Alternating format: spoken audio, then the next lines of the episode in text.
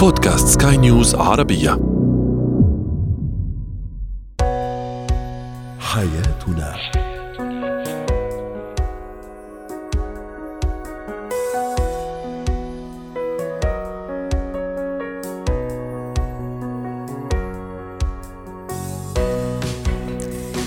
مستمعينا الكرام أهلا بكم معنا إلى حياتنا. فضاؤكم اليومي الذي يعنى بشؤون الأسرة وباقي الشؤون الحياتية الأخرى والذي يمكنكم الاستماع إليه عبر منصة سكاي نيوز عربيه dot com slash بودكاست وباقي منصات سكاي نيوز العربيه الأخرى. شاركونا عبر رقم الواتساب 00971 561 88 6223 معي أنا أمال شاب.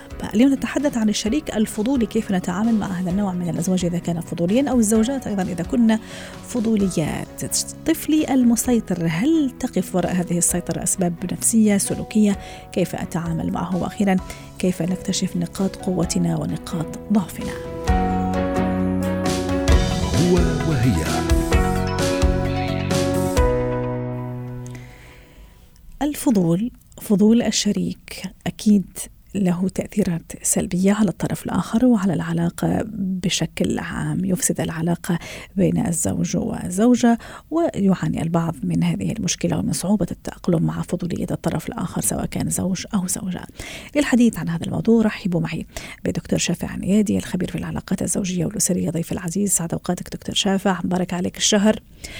الله يتقبل منا ومنك. دكتور شافع نتحدث اليوم عن صفة الفضول لما تكون في الشريك. أي نعم بيني وبين الزوج أو بيني وبين الزوجة حياة تشاركية حياة مشاركة آه، في أشياء كثيرة وبتتقاطع مصالحنا؟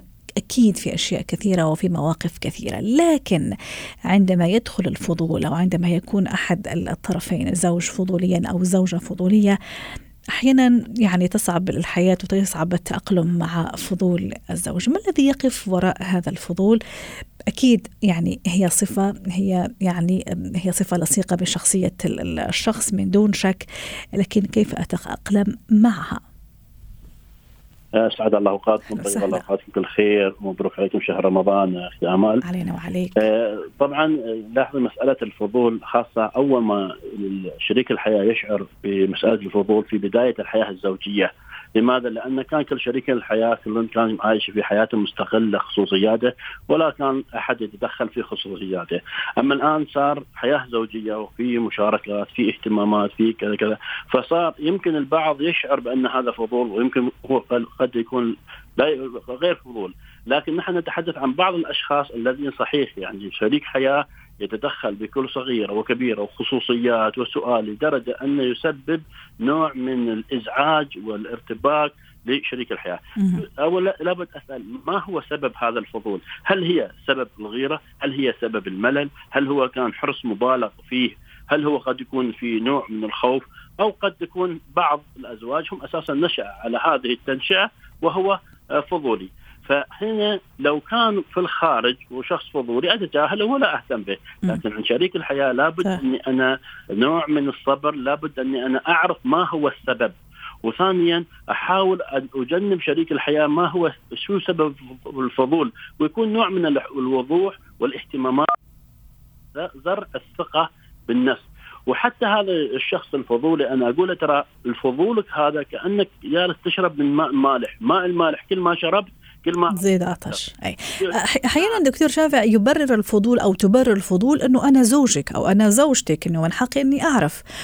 وكمان أيضا آه، الفضول هذا لا يطالني أنا كمثلا كخصوصيتي كزوجة أو خصوصيتي كزوج. لا ممكن حتى المحيطين عنده فضول إنه يعرف أشياء عن أهلي عن بيتي عن عائلتي يعني عائلتي الخاصة آه، يعني الوالد الوالدة آه، أمورنا ممكن صديقاتي ممكن هو اصدقائه كمان عندها فضول تعرف كل هالأشياء الخاصة. خاصة بحياته اللي ممكن يعني مش مضطر إنه يحكي عليها خاصة فيما يتعلق بأصحابه مثلا اصدقائه وأسرار اصدقائه لكن لا هي دائما تبدي هذا النوع من الفضول وحب الاطلاع بداعي إنه زوجته من حقها تعرف كل شيء. لا مسألة في في شريك الحياة لابد في بعض الأمور لابد أن يكون في كتاب مغلق، لابد في بعض الخصوصيات به، يعني قد يكون هذا سر مش له سر لصاحبه، أو قد يكون هذا سر مش لها هي لاختها أو لأهله أو آه، لاخواتها، فأنت كيف تريد تاخذ أسرار الآخرين؟ نعم ما يتعلق بشريك الحياة، فيما يتعلق بعلاقتكم، أنا أقول ممكن يتكلم ممكن نتحدث عن هذا، لكن في نفس الوقت في أحيان بعض الأمور يحتاج الإنسان أن يعيش نوع من الخصوصية مع نفسه مش حتى مع والديه ممكن يكون يحب أن يعيش نوع من الخصوصية في بعض الأمور. في بعض الأمور آه، آه، الخصوصية هاي مرتبطة بإنسان ثاني. لو كشف لو كشف هذا شريك الحياة يعني معناته أكشف إنسان سر أو شيء لآخر. فأنا أقول نحتاج إلى نوع مسألة من التجاهل والتغافل في بعض الأمور. مسألة الفضول هذا يدخلني في دوامة أنا في قناعة عنها. أنا لابد أن يكون في مسألة الثقة. وحتى شريك الحياة الثاني لا يزرع نوع من الشكوك. بعض بعض الشركات الحياة الأعمال يحب يكون غامض يحب يكون يعني كذا. فأنت تشجع الآخر على أنه يكون عنده فضول.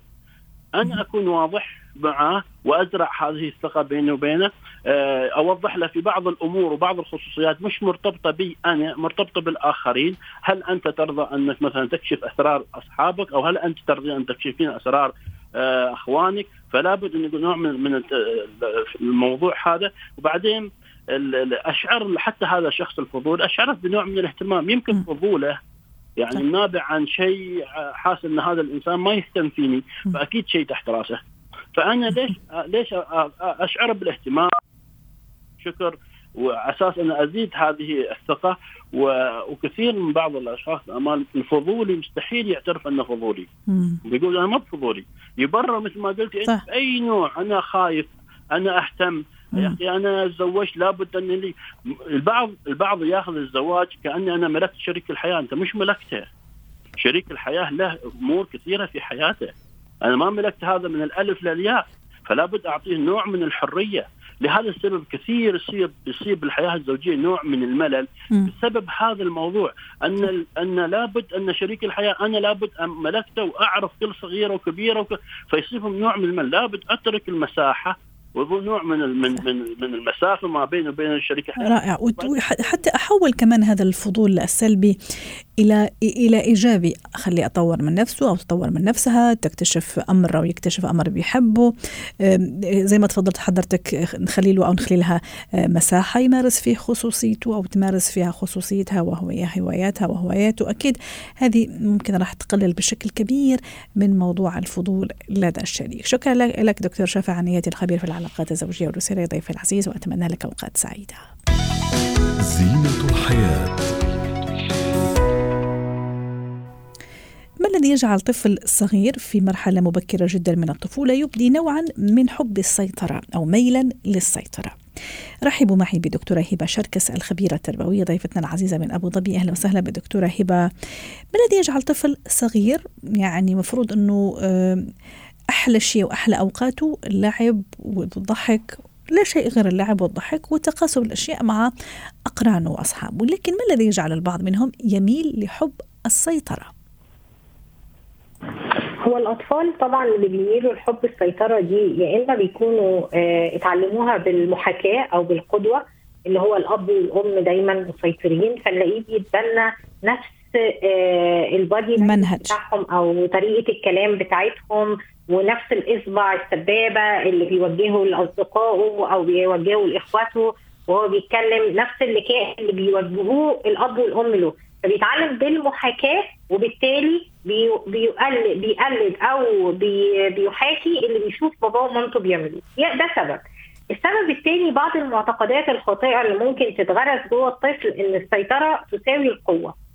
أو إن أنت بتكون محبوب وتحس بالأمان لما تحس إن أنت مسيطر على كل حاجة. وكتير من الناس الكبار كمان بيحسوا بالامان لما يحسوا إن هم مسيطرين على كل حاجة. مش عندهم المرونة إن هم يتقبلوا التغيير أو يتقبلوا المفاجآت. فلو اتربى على إن هو لازم يكون مسيطر على كل زمام الأمور طبعا بيبقى فاهم السيطرة بشكل غلط. أو لو هو اتصرف له بطريقة أو بأخرى إن السيطرة والقوة حاجة واحدة ومتساوية. مفيش ما عندهوش فكرة إن القوة دي لازم تكون متكافئة وتكون عند كل الناس وإن احترام رأي الآخر والقدرة على التعاطف والفهم. المعاني دي لما بتغيب مع اندماج أو آه، آه، التباس معنى القوة بمعنى السيطرة ده ممكن يخلي الطفل عايز يسيطر على كل حاجة وطبعا معاها بعض سمات الشخصية إن هو يكون في آه، من سمات الشخصية القيادية ويفهم القيادة إن هي سيطرة مش إن هي انسبيريشن أو إلهام للآخرين. رائع. فدي كلها حاجات تخلي الطفل عايز يسيطر على كل حاجة. انفصال الأهل دكتورة هبة انفصال الوالدين هل كمان قد يكون سبب مباشر أو غير مباشر في ميل البعض بعض الأطفال للسيطرة؟ آه، غياب الأمان في حياة مم. الطفل سواء كان نتيجة لانفصال انفصال. الأهل أو نتيجة للتوبيخ وال وال, وال يعني الضرب والإهمال الخاص بالطفل. ده كله بيخلي الطفل إن هو يبقى عايز يسيطر علشان السيطرة كنوع من أنواع إشباع الاحساس بالأمان. أنا طول ما أنا مسيطر طول ما أنا متحكم طول ما أنا أمتلك طول ما أنا حاسس بالأمان. فطريقة من طرق تعويض الأمان المفقود ممكن يكون عن طريق السيطرة آه إن الطفل يحاول يسيطر على أصدقائه أو يحاول يسيطر حتى على الأب والأم نفسهم ويخضعهم لتلبية طلباته لأن أنا مش هكون محبوب إلا لو أنتوا سمعتوا كلامي وخضعتوا لطلباتي والأوامري. واحيانا الخلافات الزوجية أو انفصال الزوجين الطفل بيستغلها. ان أسيطر على ماما علشان هي عايزة تستقطبني فأنا أطلب منها طلبات وأسيطر عليها. أو أسيطر على الأب وابتز وآخد منه بعض الأشياء. طفل ذكي جدا وبيقدر يفهم هو يقدر يستخدم السيطرة بتاعته فين وإيه المكاسب اللي يقدر يحصل عليها من خلال السيطرة؟ رائع. دكتورة هبة إذا إذا آه، لاحظت ميل طفلي ل- للسيطرة آه، كيف أتصرف؟ هل أعطي مهلة؟ هل أظل أراقب إلى غاية سن معينة إلى غاية تصرفات معينة في السيطرة؟ ثم لابد أني يعني أدق ناقوس الخطر لابد أني آه، يعني أدور على حل لهذه المشكلة. هو أنا لو لقيت ابني وهو صغير بيحاول يسيطر على كل حاجة فبحاول إن أنا أفهمه الفرق ما بين السيطرة والقوة من خلال قصص يعني لو الطفل لسه صغير فأنا ببدأ اظبط له المفاهيم لو ظبطت المفهوم جوه دماغ الطفل بالتالي مشاعره وسلوكياته هتتظبط. الفكرة هي الأساس. فإن أنا أبدأ ألعب في حتة ال- الفكرة إن هو يعني إيه سيطرة ويعني إيه قوة. وازاي. الإنسان القوي بيبقى معطاء وازاي الإنسان القوي ممكن يكون عايز يسيطر على الألعاب كلها وما يخليش حد يلعب معاه. فابدا أفهمه إيه المشاكل السلوكية اللي أنا اللي شايفاها ناتجة عن السيطرة وأبدأ أصلح له مفهوم القوة ومفهوم السيطرة. لو أنا لقيت طفلي بيسيطر أبص لنفسي لأن طفلي مرايتي ممكن يكون الصفة دي انعكاس ليا أو انعكاس للأب أو انعكاس للأخ الكبير فموجودة عند الطفل الصغير. فده بيخليني أتفقد المجتمع من حواليه وأبدأ أشوف مين الولد ده بيعكس أو البنت دي بتعكس تصرفات مين في البيت. وساعتها يبقى إحنا ككبار لازم نعدل من سلوكنا لأن الأطفال مرآة لنا. فده دي نقطة تانية برضو لما يبدأ يحصل ال- السيطرة. آه طبعا لو الطفل بيسيطر مثلا على ألعابه أو في موقف ما ما رغمش الطفل على التنازل وهو متعصب لأن ده هيخليه يزداد سيطرة أكتر. يعند أكثر. هيحس بالخطر وهيعند أكتر وهيبقى حاسس إنه بيفقد ال- السلطة. لكن تغيير المفاهيم وتمرير المواقف اللي بيكون فيها حدة لغاية وقت يكون الطفل هادي وابدا أفهمه. أقول له مثلا أنت سيطرت على الألعاب النهارده وما خليتش أخوك الصغير يلعب معاك وأنا أخدته وسهيته وخليته يلعب بحاجة تانية علشان كنت عايزة أتكلم معاك لوحدنا. المشاركة حاجة مهمة لما أنت تشارك أخوك تشارك أصدقائك تشارك كذا. يقول لك مثلا طيب أنا في ألعاب ما بحبش أشارك بيها. الخصوصية موجودة. إحنا الألعاب اللي مش عايز تشارك بيها يبقى ما تطلعهاش قدام مثلا لو في ضيوف أو في حاجة. نعم. لكن في نفس الوقت ما تسيطرش على كل حاجة. سيطر على بعض الأشياء وسيب بعض الأشياء آه، للمشاركة. لو عايز كلمته بس هي اللي تمشي فأبدأ أعلمه إن في رأي الأغلبية أبدأ أعلمه إن كلمتك مرة تمشي وكلمة زميلك مرة تمشي. أنا كمان ما عانيتش معاه وأدخل معاه في قصة إن أنا اللي كلمتي لازم تمشي. فدي كلها آه، حاجات مهمة إن العناد مع الطفل اللي بيحاول يسيطر بيزود عنده الرغبة في الامتلاك والسيطرة. رائع ويبقى أيضا زي ما دائما نشير الحوار مع الطفل الحوار معه في كل الاشياء وباريحيه أكيد هي يعني أحد الأشياء المهمة والضرورية في بناء علاقة صحية بين وبين الأطفال. شكرا لك يا دكتورة هبة شركس الخبيرة التربوية ضيفتي العزيزة من أبو ظبي. مهارات الحياة كيف أحدد نقاط القوة ونقاط الضعف عندي أو لدي؟ رحبوا معي بجورجينا إبراهيم مدربة مهارات حياة ضيفتي العزيزة من بيروت. أهلا وسهلا جورجينا. أكيد التعرف على نقاط القوة شيء رائع وجميل. يخلينا دائما نعزز هذه نقاط القوة ونواصل في نجاحنا. وأيضا التعرف على نقاط الضعف فينا كمان يخلينا يعني نقويها. وحين نتفاداها أو يعني نتغاضى عنها إذا يعني كانت تسبب لنا فعلا مشاكل أو نقلل منها على الأقل. كيف أتعرف على هذا نقاط القوة؟ أحيانا عندي نقاط قوة كثيرة بس مش عارفة أكتشفها ومش عارفة أتعرف عليها، واحيانا كمان عندي نقاط ضعف ممكن يستغلها الطرف الآخر وأنا مش عارفتها، كيف أتعرف عليها؟ آه رح كون عم بعطيك أربع إذا بدك أربع طرق تقدر الواحد تقدر تساعد الشخص يعرف شو هي نقاط القوة اللي عنده لحتى يعتمد عليها. يمكن عم بيقدم على وظيفة جديدة يمكن عم ببلش شغل جديد ببلش مشروع جديد. له هذه نقاط القوة الواحد لازم يعرفها. هي نقاط ضعف مش حتى الواحد يحس حاله يمكن ضعيف ولكن حتى يشتغل عليها حتى يطورها يمكن حتى يحضر دورات تدريبية. فضروري ضروري الواحد أول شيء يعمل مثل هيك آه، تحليل لحاله. يعني. بينه وبين حاله ساعة نص ساعة هيك. نحن على طول بنقول إنه يجيب ورقة وقلم يقسم الورقة قسمة ويكتب الإشياء اللي هو بيشوف حاله فيها شاطر بيقدر ينفذها من دون ما آه، يعني حدا يساعده. ويكتب كمان يعني في إشياء الواحد بيعرفها بحاله يعني خاصة مثلا إذا عم نحكي عن خليني اعطيك مثل فن الخطابة مثلا. نعم. هذا من من المهارات يلي يمكن 90% إذا مش أكثر الناس مثلا بخافوا بيعرفوا إنه عندهم ضعف بهذا الموضوع. فالواحد لما بيكتب الإشياء قدامه على الورقة بيشوفها يعني هيك بتحول ل ل بيقدر يشوفها لحتى يقدر يعالجها أو يمكن يطورها خاصة نقاط نقاط الضعف. هذه أول طريقة. ثاني طريقة مش غلط نسأل أشخاص. أشخاص يمكن أكبر منا بالعمر عندهم اكسبيرينس عندهم خبرة أكثر يمكن حدا يكون كوتش يمكن حدا يكون معنا بالشغل. نقدر نوثق فيه أكيد بدنا نسأل أشخاص رأيهم يعني. أنا مثلا لنقول كنت أنا عندي أنا بالاجتماع وأنا اللي عم بحكي. مثلا بعدين في اسأل حدا هيك لحتى آخذ فيدباك لآخذ رأيه لأنه بالنهاية نحن بدنا آراء الآخرين فينا لنعرف إذا نحن منيح ولا لا. يعني مثل اللي بيعمل اكله بدك تسوقيها للآخرين لتشوف إذا الاكله طيبه لأنه يمكن أنت وتدوقيها وتقولي أكلك طيب بس تشوف إذا رأي الآخرين الاكله طيبه ولا لا. فكثير مهم نسال آراء الآخرين يمكن الموظفين معنا بنوثق فيهم عندهم خبرة أكيد بده يكون عندهم خبرة أكثر من من خبرتنا. وثالث وثالث طريقة هي في تحاليل بسموها assessment بتنعمل أكيد على الكمبيوتر أو على الورقة والقلم وبيعملوا حسابات معينة. يمكن في تحاليل يمكن 50 سؤال 100 سؤال. واحد بيكون هيك آخذ وقته بالموضوع ويجاوب صح يعني يجاوب بطريقة objective موضوعية لحتى يطلع تحليل الشخصية ويكون عم يبين شو نقاط القوة وشو شو نقاط الضعف. فهيدي كمان شغلة كثير مهمة. والحلو بهدول التحاليل إذا ترجع بتعيديهم بعد خمس ست سنين لأنه أنت أكيد بتكوني تغيرتي وتطورتي وتعلمتي وإلى آخره. يمكن تطلع النتيجة مختلفة لأنه بطبيعة الحال الناس عم تتطور. يعني أكيد عارفه شو هي نقاط الضعف اللي عندها وعم وعم بتطور فيها. صحيح. أحيانا كمان جورجينا ممكن أنا مش عارفة نقاط القوة تبعي ممكن أو شايفتها عادية. هل لاني أنا مثلا ما عم أقدر هالأشياء ما عم أعطيها قيمتها الحقيقية ما عم أعطيها يعني ما عم قدر مجهودي مثلا في هذا الشيء؟ بس غيري لا شايف أنه هذه النقاط قوة فيا. مزبوط ما هو بالنهاية برجع بقول لك بدك قصدي فكرة إني إني أقدر فعلا الشيء اللي أنا عم أعمله واعطيه قيمة أعطيه معنى.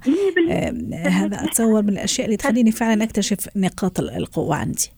مزبوط مزبوط يعني مشان هيك الواحد يكون عنده سيلف استيم وضروري الواحد يقعد يحكي مع حدا. وهيدي شغلة كثير مهمة. منا سهلة ابدا. يعني منا سهل اقعد اسأل شخص مثلا خبرني أنا كيف بشتغل كيف بتعاطى مثلا مع الموظفين عندي؟ آه مثلا يا ترى أنا وعم بحكي بتطلع بالعيون يعني بتعرفي المواجهة منا شغله كثير كثير سهل في ناس مثلا كثير بتتوتر في ناس بتفضل تكتب ما تكتب لك رسالة ولا تحكيك face to face أو وجه لوجه لتخبرك الخبرية لأنه يمكن ما بتقدر تعمل control على على احاسيسها فمشان هيك آه، كثير مهم إنه نحن نعرف مع مين عم نحكي ليعطينا لنقول فيدباك ويقول لنا شو هي نقاط القوة اللي عندنا ونقتنع إنه هذه نقاط نقاط قوة عندنا ونستفيد منها يعني. أنا ليه بدي يكون عندي نقاط قوة هيك؟ إنه يلا أنا البطلة لا ما أنا بدي استفيد منهم بالشغله لأنه أنا لما بروح بحضر مقابلة عمل من الأسئلة اللي كثير بتنسأل خبرينا شو نقاط يعني بشو أنت بتتميزي؟ يعني شو بتتميزي؟ يعني شو نقاط القوة اللي عندك؟ ما في أنا أقعد أطلع فيهم أقول لهم مشي عادي مثلي مثل صح. لاني ما يوصفوا غيري. صحيح. شغلة كثير مهم الواحد يعرف شو اللي عنده ويكون يكون كمان موضوعي. يعني طيب نقاط القوة هذه تحتاج أني كمان أطورها أكثر وأكثر ولا لا؟ فقط تحتاج أني أني أوظفها وأطور نقاط الضعف فقط يعني يكون التركيز على الضعف. ما هو كله بيتعلق م. كله بيتعلق بطبيعة شغلي بانا شو بدي؟ يعني إذا أنا لنقول بس موظفة. إيه بس الحياة مو مو فقط شغل جورجينا كمان نحكي نحن كمان في حياتنا في علاقتنا مع أسرنا مع أهلينا مع أصحابنا يعني مو فقط في العمل يعني لاطور نقاط قوتي أو نقاط ضعفي. أكيد. م. أكيد هيدي مهارات أكيد الواحد في يطورها بحاله مش ضروري بس بالشغل. صحيح. مثلا ما ننسى التواصل مثلا نتواصل مع الغير. هلأ كنت عم بسمعك قبل شوي عم تحكي مع مع الدكتور. طب كمان الأهل يلي هن أول مرة بيكون عندهم ولد طب كمان ما, ما بيعرفوا كيف يتعاملوا مع الولد. فبدهم يطوروا هذه المهارات بدهم يقروا بدهم يسألوا يمكن آه، آه، أخصائي أو اخصائي يساعدوهم كيف يتواصلوا كيف يحكوا شو الكلمات اللي يقولوها شو الكلمات اللي ما يقولوها لأنه بالنهاية هن ما كان عندهم أولاد من قبل. فهذه أول مرة. ما تنسي إنه كمان من, من الأمور اللي نحن فينا نحكي فيها كيف نطور المهارات أو نكتشف مهاراتنا آه أو النقاط القوه اللي عندنا هي إنه نجرب شيء جديد. ومو فقط أني أكتشف نقاط القوة كمان كيف أستغلها كيف أستفيد منها لأنه أحيانا كثير عندنا نقاط قوة وشاطرين في أشياء بس مش عارفين نسوق مثلا مش عارفين نروج لها مش عارفين نستفيد منها بالشكل الصحيح. مية بالمية. مش هيك بدك تعرفي أنا شو بدي. يعني بدك تحددي أنا شو بدي. أنا لوين بدي أروح أنا بدي يمكن أعمل عائلة ناجحة. أنا يمكن بدي آه، آه، أعمل مشروع ناجح. فبدك تعملي تحليل أنت شو هي النقاط القوة اللي عندك. وأنا وين فيي وظفها يمكن أنا شاطرة ما بعرف بالعلاقات مع الناس. بعرف أقنع الناس. بعرف نعم. بعرف آه، أعمل بوندنج مع الناس. يعني في ناس بتعرفي تقعدي معهم خمس دقائق بتحسي بتعرفيهم من زمان لأنه بيعرفوا كيف يحكوا بيعرفوا كيف يتواصلوا معك بيعرفوا كيف صحيح. يشدوك لهم بأخبارهم. يسألوك عنك. انتبهي شغلة كثير مهمة. تعرفي تسأل الناس مش بس تحكي عن حالك. فأنا مثلا هيدي لنقول نقطة واللي عندي مثلا في استعملها بحياتي بعلاقاتي مع أصحابي مع أهلي وكمان بمكان بمكان العمل. طيب. فالواحد هو بده يعرف شو بده. بالنسبة لنقاط الضعف أيضا جورجينا يقال إنه ما تحكي عن نقاط ضعفك للأشخاص الآخرين حتى ما يستغلوها ضدك وحتى ما يعني يستخدموها آه، ضدك. إلى أي درجة هذا صح؟ وكيف أحسن من نقاط الضعف وأطورها؟ هلا آه، في أمور بتكون واضحة يعني في أمور مثل هيك عن الشمس ما فينا نغض النظر عنها. بس الواحد لما بيعترف إنه أنا مثلا ما بعرف لنقول عم بحكي كلام مثلا ما بعرف آه، جاوب مثلا بسرعة أو ما بعرف دافع عن حقي أو ما بعرف أعمل إدارة أو مثلا ما بعرف سيطر على أعصابي بس يصير شيء مثلا آه، آه، خطير. بتعرفي كثير ناس كثير بتتوتر بس يصير شيء حادث أو مثلا شيء آه، هيك يعني نعم. بشع قدامهم. طيب. الواحد لما بيعرف هذه الأشياء وبجرب إنه يشتغل عليها مش غلط. ما هو بالنهاية مش معقول نكون كلنا سوا مثاليين. طبيعي كل حدا يكون عنده نقاط نقاط نقاط ضعف. ويكون عارف حاله إنه هو عم يشتغل عليها. يعني مش أنا أنا ضعيفه بهالشغلة وخلص إنه أنا بستهمل عم بشتغل عم بقرا عن هذا الموضوع عم عم بروح عند يمكن معالج حدا يساعدني عم عم بتدرب عند حدا.